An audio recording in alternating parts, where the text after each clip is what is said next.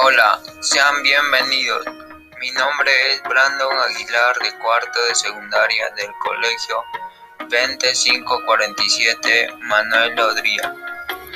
Hoy en este día maravilloso hablaremos sobre un tema muy importante, que es la prevención y el cuidado integral de la salud y del ambiente para un futuro mejor.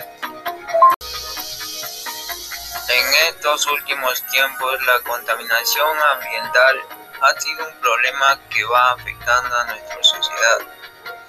Muchos ciudadanos actúan irresponsablemente trayendo consecuencias muy graves al medio ambiente y afectando al bienestar de toda la población.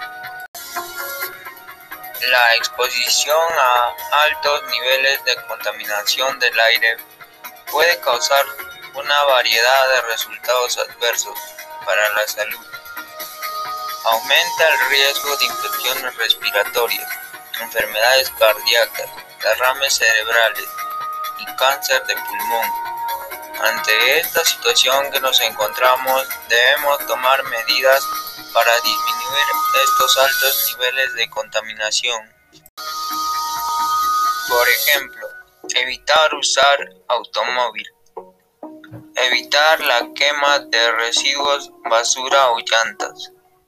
Evitar el uso de aerosoles. Cuidar los parques, árboles o áreas verdes. Aplicar las 3R. Reducir, reusar, reciclar. Es importante proponer acciones que reduzcan los altos niveles de contaminación para cuidar el bienestar de nuestra población. Recuerda que la suprema realidad en nuestro tiempo es vulnerabilidad de nuestro planeta. Gracias, eso fue todo, hasta una nueva oportunidad.